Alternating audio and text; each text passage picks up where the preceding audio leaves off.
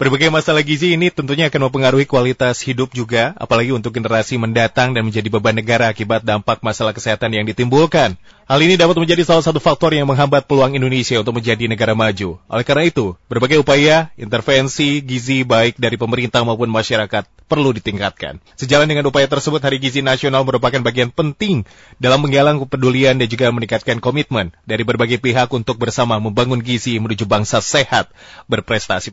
Hari Gizi Nasional salah satunya ditujukan untuk meningkatkan pengetahuan masyarakat tentang gizi seimbang, yaitu melalui perilaku keluarga sadar gizi.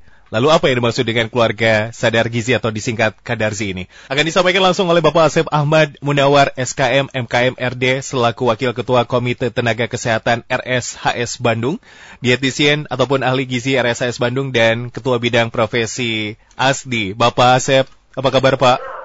Alhamdulillah baik Kang Regi. Betul. Apa kabar nih sebaliknya? Alhamdulillah sehat, terima kasih. Sudah bertanya Bapak Asep. Ini sedang di mana Pak? Sedang bertugas? Ya, di sela-sela kesibukan lah. Luar biasa Pak Asep. Demi masyarakat ya. Betul, betul, setuju. Terima kasih untuk itu telah meluangkan waktunya untuk bergabung terlebih dahulu bersama kami di Fit Radio Bandung bersama Pak Asep Ahmad Munawar. Kita akan membahas ini mengenai keluarga sadar gizi ataupun kadarzi ini, Pak Ahmad. Sebetulnya kalau misalkan uh, berkenan untuk menjelaskan apa yang dimaksud dengan keluarga sadar gizi ini, Pak, dan bagaimana latar belakang adanya kadarzi ini dibentuk juga. Baik, Kang Regi.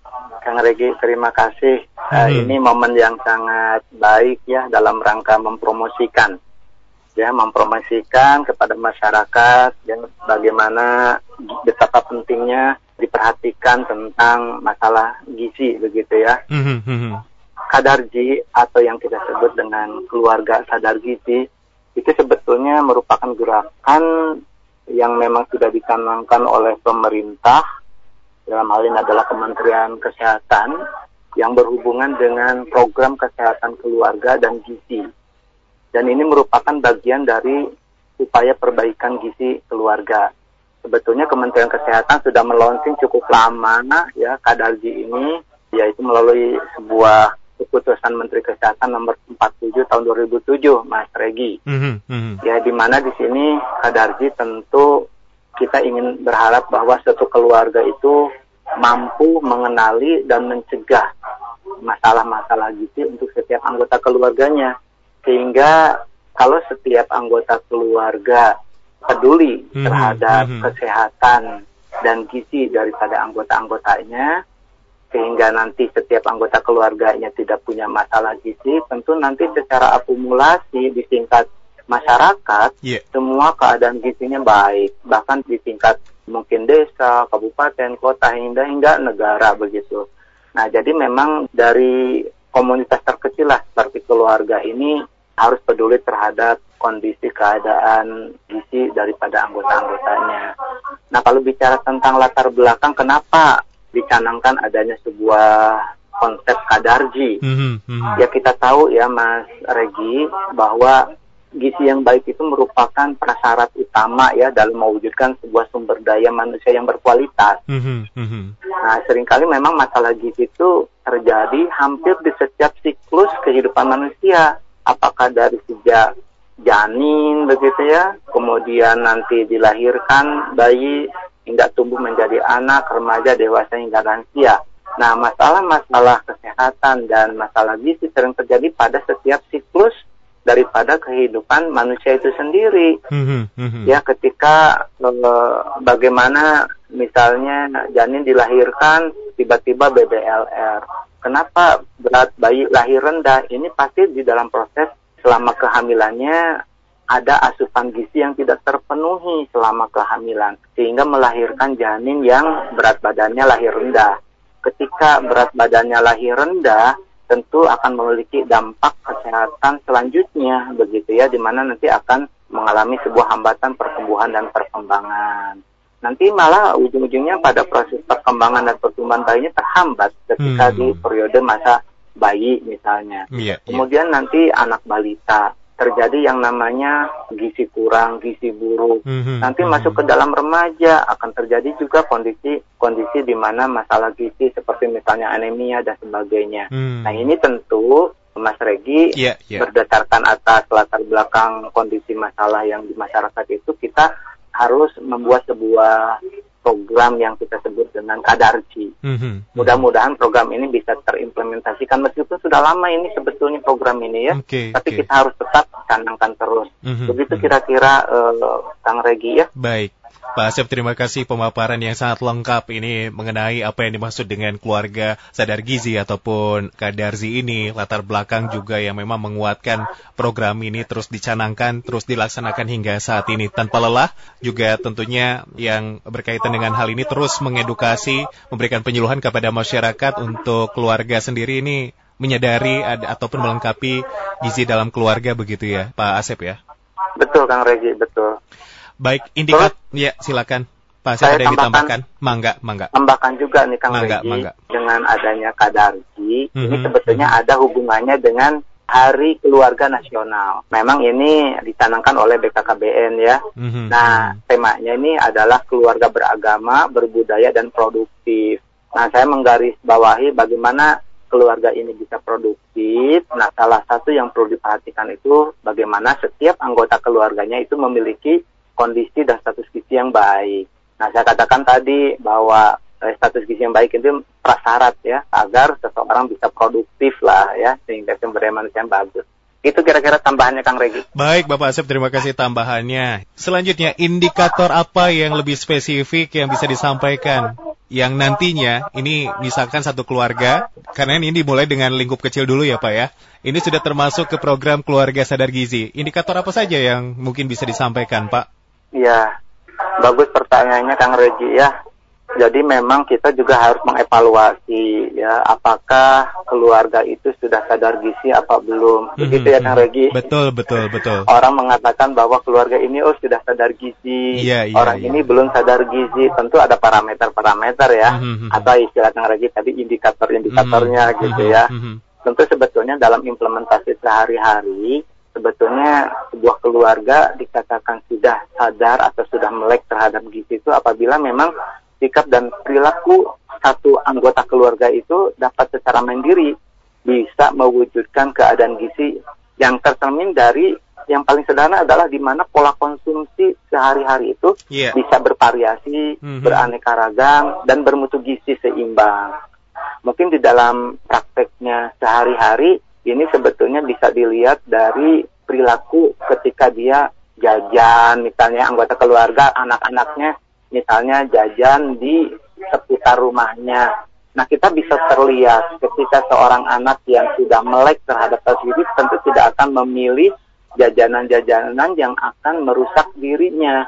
Misalnya makanan itu rendah energi, rendah protein, tinggi lemak, tinggi garam, tinggi pewarna. Nah, itu bisa terlihat ketika kita mengamati bahwa ada anggota keluarga dengan pola seperti itu menunjukkan itu belum memiliki sebuah kesadaran terhadap gizinya begitu. Mm -hmm. Itu itu sih salah satunya begitu ya. Nah, kalau di dalam sebuah program ya, di dalam sebuah program yang diikuti misalnya di komunitas, di masyarakat kan itu sudah ada kegiatan-kegiatan yang sudah rutin dilaksanakan di tingkat puskesmas, di yeah, tingkat yeah. Mm -hmm. RT, RW dan sebagainya. Mm -hmm. Mungkin seorang ibu juga karena ingin anaknya sehat misalnya, mm-hmm. maka secara rutin ya bahwa ibunya itu akan membawa anak-anaknya ke fasilitas pelayanan seperti misalnya di posyandu atau puskesmas, menimbangkan berat badannya secara rutin, secara teratur, begitu mm-hmm. kan? Mm-hmm. Ini untuk melihat sebuah proses pertumbuhan anak.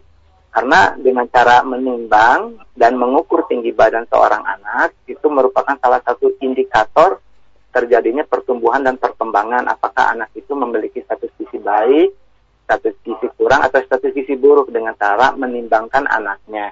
Nah, kalau ibu-ibunya tidak pernah melakukan proses itu, penimbangan bagaimana dia tahu bahwa anak itu dalam kondisi gizi baik, gizi kurang atau gizi buruk. Jadi memang ditandain dengan adanya kartu menuju sehat ya nanti setelah ditimbang di posyandu biasanya yeah, iya. diberikan yeah. penjelasan di dalam kartu mm -hmm. menuju sehat bahwa anak ibu itu misalnya dalam kondisi sekarang status gizinya baik atau overweight ya atau mm kelebihan berat badan atau mm gizi kurang dan sebagainya gitu ya Terus kalau dia masih punya bayi misalnya, bayinya masih berusia kurang dari enam bulan, pastikan mm bahwa pemberian ASInya diberikan secara penuh, ya tanpa diberikan makanan apa pun ketika bayi itu masih berusia 0 sampai 6 bulan. Nah, ketika sudah melampaui misalnya umurnya di atas 6 bulan, tentu harus ada makanan pendamping ASI begitu ya sampai usia di 12 bulan begitu ya. Nah, setelah 12 bulan tentu nanti seorang ibu akan memberikan pola makan menu seimbang seperti hanya pola makan keluarga. Nah ini penting Kang Regi saya edukasi kepada masyarakat yeah. bahwa ada empat pilar pola menu gizi seimbang di dalam penyediaan makanan untuk keluarga supaya keluarga itu peduli terhadap mm -hmm. gizi masyarakat. Nah kita sebut dengan apa yang kita sebut dengan isi piringku ya di mana di dalam sebuah piring ya kita mudah sebetulnya Kang Regi mm -hmm. mengilustrasikannya ini mm -hmm. piring nih. Mm -hmm. Nah piring itu kalau kita ilustrasikan kan tentu harus berisi tentang makanan pokok, harus berisi tentang lauk pauk, harus berisi tentang sayuran dan buah-buahan. Nah di dalam sajian sebuah piring itu itu ada dibagi-bagi ya kira-kira seberapa banyak sih kalau kita makanan pokok mengkonsumsinya Nah itu mungkin sepertiga dari piring itu adalah makanan pokok. Sepertiganya itu adalah sayuran. Kemudian dari sepertiga sisanya dibagi dua sama besar yaitu lauk pauk dan buah-buahan. Nah pilar-pilarnya tentu yang prinsip empat pilar menu gizi seimbang itu yeah. konsumsi makanan yang bervariasi. Jadi tidak boleh seseorang itu hanya mengkonsumsi pada makanan tertentu saja gitu tanpa hmm. mempedulikan makanan yang lain. Kenapa demikian Kang Regi? Yeah. Karena prinsipnya tubuh itu membutuhkan berbagai aneka macam zat gizi yang dibutuhkan, baik mm -hmm. dari mhm. makronutrien seperti karbohidrat, protein, lemak maupun mikronutriennya seperti vitamin, mineral ya, itu harus terpenuhi tidak ada satu jenis bahan makanan pun yang lengkap akan zat gizi tersebut sehingga konsepnya harus bervariasi jadi harus berganti-ganti. Di samping itu juga tentu untuk menghindari yang namanya obesanan gitu ya Ngargi Betul. nah pilar yang kedua ya diharapkan harus membiasakan perilaku hidup bersih. Nah di era pandemi ini nih hidup bersih menjadi penting dalam rangka menghindari seseorang terinfeksi oleh berbagai macam penyakit.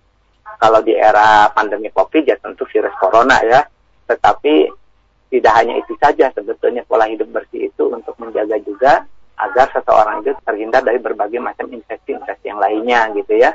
Nah, yang berikutnya tentu melakukan ya, jangan lupa ya aktivitas fisik nih, tentu bagi orang-orang yang sudah usia mungkin remaja, hmm, dewasa, hmm, boleh hmm. melakukan sebuah aktivitas fisik paling tidak tiga kali dalam seminggu hmm. setiap aktivitasnya mungkin sekitar 30 menit. Ini dalam rangka sebetulnya menghindari kalau terjadi kelebihan asupan energi, mm-hmm. tentu mhm. melalui sebuah aktivitas fisik itu bisa dibongkar kelebihan energinya tidak yeah. disimpan dalam bentuk senyawa lemak.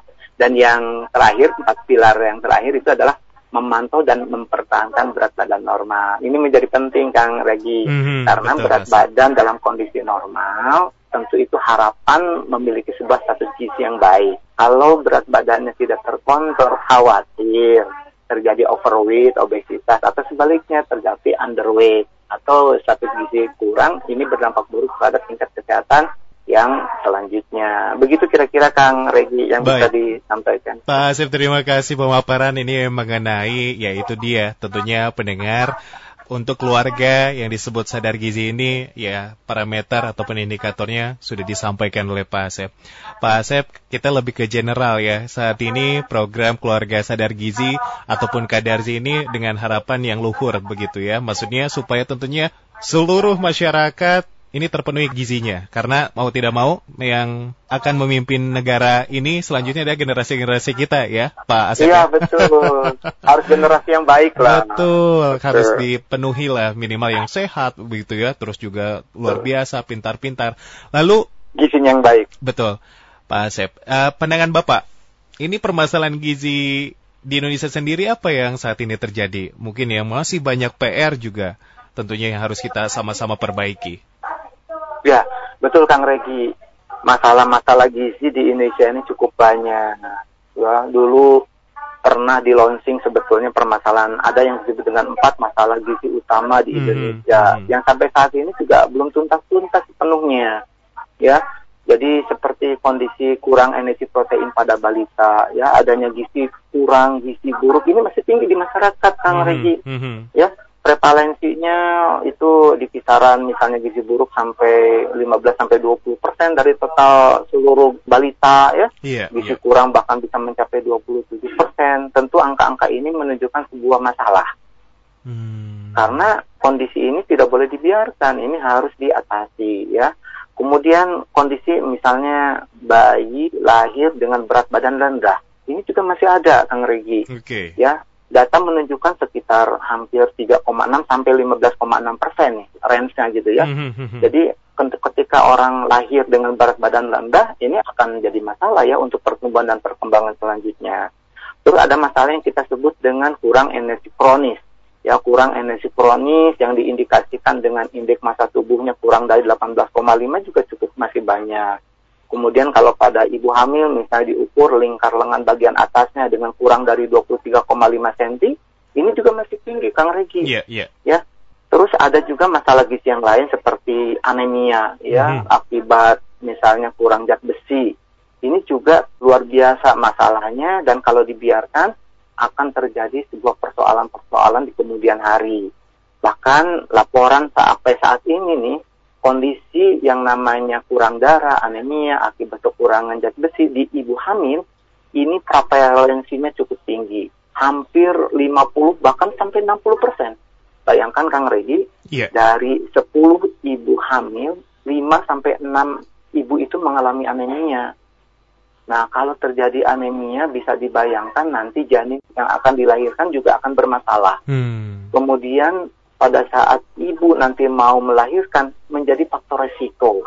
Karena hemoglobin yang dibentuk dari ibu itu persiapan untuk persalinan sangat sampai terjadi pendarahan. Mhm, Kalau mhm. perdarahan terjadi tentu akan berdampak buruk terhadap kematian, Iya. baik pada ibu maupun juga pada janin. Nah ini permasalahan-permasalahan yang tentu tidak boleh dibiarkan. Pada remaja putri ini juga Mhm, sering mhm. dilaporkan Kang Regi. Hmm. Bahkan data bisa hampir 30% lebih Besar ya, Pak? remaja putri Mhm. mengalami anemia. Mhm, mhm. Nah, pada seorang remaja putri, orang-orang yang misalnya nanti akan hamil, yang merupakan periode konsepsi, kalau terjadi anemia, nanti dia akan hamil, akan melahirkan, akan menyusui. Wah, ini bisa dibayangkan ya generasi yang akan datang akan mengalami hal perburukan. Nah, masalah yang lain, Kang Regi, Apa mungkin saja, Pak? gangguan akibat kurang yodium Hmm. atau istilah masyarakat awam penyakit gondok endemik gitu ya penyakit pembesaran kelenjar gondok nah ini ini juga sangat luar biasa Kang Regi kalau terjadi ya pada ibu hamil kalau terjadi pada orang orang tertentu pada bayi balita Iya, iya. ini akan mengalami yang paling penting itu kalau menurut saya itu akan mengalami pengkerdilan otak jadi nanti apa yang kita sebut kretinisme pertumbuhan yang sangat-sangat kerdil pada seseorang yang ditandai salah satunya adalah otaknya itu tidak bertumbuh dan berkembang secara maksimal itu akan akan mengalami bayangkan nanti ke depan anak ini akan mengalami pembodohan Hmm. jadi akan bodoh karena otaknya tidak mampu berkembang secara baik. Nah, itu apa yang disebut dengan idiot gitu ya. Ini awalnya mungkin dari proses akibat kekurangan yodium begitu ya. Nah, sekarang stunting ya kan sedang rame-ramenya ya Betul, beberapa Pak. waktu yang lalu. Iya, iya. Angka stunting ya per berperawakan pendek ya ini angkanya juga cukup besar di daerah provinsi tertentu masih di atas 40 persen, 46 persen Mhm, mhm. bahkan di Jawa Barat nih Kang Regi di daerah kabupaten kota tertentu angkanya bisa sampai 37 persen populasi anak ini mengalami Stunting ya. stunting. Hmm. Ini kan luar biasa. Betul, betul. Nah generasi yang akan datang kalau saat ininya mengalami stunting tentu kan juga berdampak buruk ya terhadap eh, sumber daya manusia Indonesia yang akan datang. Nah persoalan-persoalan tadi belum selesai Kang Regi, Hmm, ya hmm. belum sepenuhnya semuanya teratasi. Ada persoalan yang lain yaitu masalah kegemukan, masalah obesitas. Nah, di satu sisi masalah-masalah yang tadi belum selesai, sekarang muncul masalah obesitas. Ini ada juga Kang Regi. Di masyarakat tuh obesitas itu, itu kisarannya di antara 30 persen lebih itu masyarakat ada mengalami obesitas. Mhm, Hati-hati. mhm, mhm, Obesitas ini memang kaitannya nanti terhadap resiko. Mungkin dia akan mengalami penyakit degeneratif. Sudah banyak penelitian yang menunjukkan hubungan antara obesitas dengan adanya penyakit resiko terjadinya penyakit jantung koroner terhadap kejadian kencing manis, diabetes mellitus, terhadap terjadinya hipertensi, dan seterusnya dan seterusnya. Nah ini tidak boleh terjadi. Oleh karena itu, deteksi dini terjadinya adanya obesitas juga harus aware gitu ya. Mhm, Masyarakat juga mhm, harus peduli. Bahwa sekarang kegemukan itu bukan lambang sebuah kemakmuran. Kemakmuran atau sehat Eh, begitu eh, ya. ke- kebanggaan. Bukan jangan. Seringkali dulu eh, dulu seolah-olah ya saya gemuk tuh berarti nih lambang kemakmuran Kemakmuran, iya, bahagia, Makmur, eh, bahagia. Yang pasti kemakmuran kemakmuran penyakit gitu ya. Iya, iya, iya, itu yang ditakutkan ya, Pak. barangkali kalau saya jelaskan satu-satu memang cukup panjang lebar Kang Regi Hmm, betul, itu masalah-masalah yang yang saat ini kita hadapi di Indonesia gitu Kang Regi ya Baik. Itu gambaran jelas, gamblang yang disampaikan oleh Bapak Asep pendengar. Kondisi saat ini memang di Indonesia yang bisa dijelaskan ya tadi kurang lebih seperti itu gambarnya. Apalagi di tengah pandemi COVID-19 ini Pak Asep. Banyak warga Betul. masyarakat juga yang keterbatasan begitu ya. Ini pasti juga soal gizi juga menjadi eh, kesulitan tersendiri Pak. Karena memang dari makan saja mungkin ini ada yang uh, keluarga yang susah untuk makan yang memenuhi gizi dan lain sebagainya. Karena memang ini menambah tentunya kondisi seperti ini untuk kesulitan bersama ya Pak ya. Tidak hanya satu dan dua golongan saja, tapi mungkin hampir seluruh masyarakat Indonesia juga saat ini merasakan yang sama ya Pak. iya betul betul Baik Pak Asep kita lanjut ke interaksi dari pendengar. Ini sudah ada yang masuk melalui WhatsApp kami di 08112102948. Ada Ibu Nurul di Muhammad Toha. Pak Asep bagaimana cara agar uh, tentunya bisa mengetahui jumlah nutrisi yang tepat untuk keluarga saya? Karena saya tahu gizi itu penting, tapi saya tidak tahu kebutuhan nutrisi yang tepat ini berapa atau bagaimana begitu. Pak Asep, mangga. baik dari siapa Kang Regi tadi Ibu-? Ibu Nurul. Oh Ibu Nurul. Baik Ibu Nurul ya, semoga masih tetap bisa mendengarkan eh, radio Fit ya. Oke. Eh, pertanyaannya cukup bagus dan ini sering kali dilontarkan oleh sebagian besar ibu-ibu ya Betul. terhadap pemenuhan gizi keluarga. Mhm, Nah, mhm. kita tahu ya bahwa keluarga itu terdiri dari suami, istri, anak-anaknya begitu ya. Kemudian dari aspek tadi tentu kalau kita melihat pada daur kehidupannya ada mungkin periode anak itu ada masih ibunya sedang hamil, kemudian atau ibu yang sedang eh, sudah melahirkan punya bayi gitu ya, atau anaknya sudah besar menjadi anak sekolah gitu ya, bahkan sudah remaja, bahkan Mhm, sudah dewasa begitu ya. Atau mungkin di keluarga itu juga ada ibunya atau kakeknya atau neneknya dan sebagainya komplit lah kira-kira sebuah keluarga barangkali ya.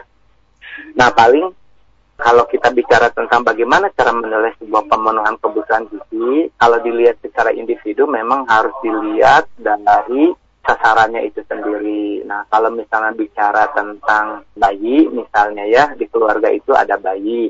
Nah, tentu pemenuhan kebutuhannya ya khusus untuk bayi tersebut. Nah, kalau misalnya untuk bayi, memang kalau orang gizi sih sudah ada hitungan-hitungannya ahli gizi itu, Pak. Mhm, mhm. Jadi misalnya kalau untuk kebutuhan bayi, bayi itu gampang perhitungannya 100 kalori per kilogram berat badan bayi.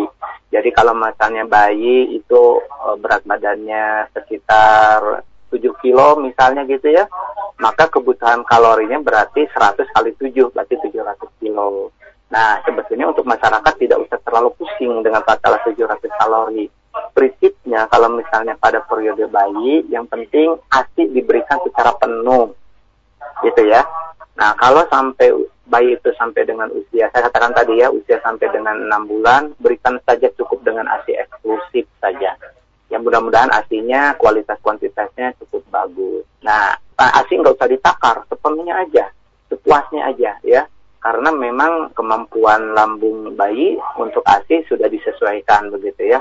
Kemudian kalau udah meningkat umurnya sejalan dengan pertambahan usia, ketika udah usia enam bulan lebih ya dikasih dengan makanan pendamping daripada ASI karena ASI secara waktu mungkin dari waktu ke waktu makin menurun kualitas kuantitasnya sehingga tidak mampu memenuhi kebutuhan pertumbuhan dan perkembangan daripada bayi sehingga pertambahannya usia bayi itu harus ditambahkan makanan pendamping ASI ya dari mulai misalnya makanan cair, mm -hmm, makanan mm -hmm. lumat, makanan saring sampai dengan nanti uh, makanan yang lebih padat lagi ya makanan keluarga.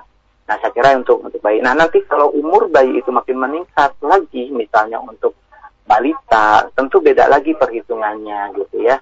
Nah prinsip sebetulnya saya kalau secara teknis harus berhitung terhadap kebutuhan energi itu sangat yeah, teknis. Yeah. Mm -hmm. Tapi secara umum Pak sebetulnya yang penting keluarga itu ketika sudah mampu disediakan makanan keluarga di mana anak itu sudah atau anggota keluarga itu sudah mampu makanan keluarga gunakan sebetulnya prinsipnya gizi seimbang dengan isi piringku tadi ya. Jadi ada sepertiga makanan pokok sepertiga sayuran nah sepertiga sisanya ada lauk pauk sama buah-buahan itu prinsip hidangannya.